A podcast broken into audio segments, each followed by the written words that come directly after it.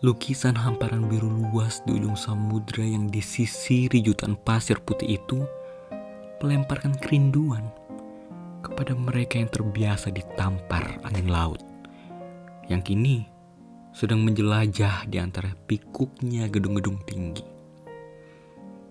Sedang sebuah gambar yang terpajang di museum kota tua itu mengemas kenangan kereta lama yang asapnya hitam tebal Lalu orang-orangnya tak berlalu lalang, menunggu sang kereta datang.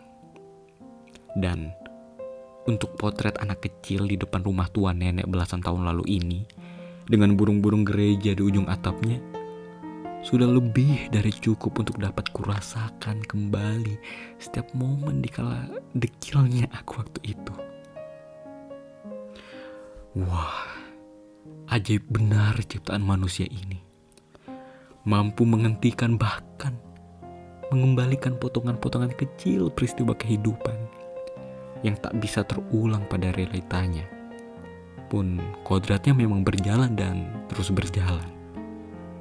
Namun sejatinya selalu menjadi harapan setiap insan untuk dapat diulang sekali saja agar dapat membenahi jutaan kesalahan yang disesal setiap waktunya. Tak sadar, galeri kecil di sudut gawai peganganku ini sudah penuh saja. Penuh dengan ribuan peristiwa indah yang tentu sudah kupilih untuk tetap ada. Tapi sebenarnya tak pernah cukup galeri itu untuk menampung banyaknya momen-momen bermakna. Yang tak jarang sering terlewatkan karena kuanggap tak begitu berarti waktu itu. Lalu setelah menyesal, rasanya ingin kurekam setiap detik peristiwa hidup ini.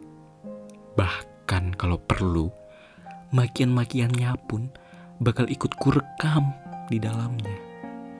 Itu akan menambah suasana yang tentu jarang ditemukan saat sendiri di kamar sempit ini. Sekarang mau bagaimana lagi? Hanya dapat menyaksikan kembali apa yang masih tersisa. Kemudian bersiap untuk melangkah, sembari mengambil kamera tua ayah dan menarik kencang salah-salah jemarimu untuk menjelajahi jutaan peristiwa lainnya yang siap ku potret. Lalu cerita-ceritanya kita senyumi bersama di kala tua.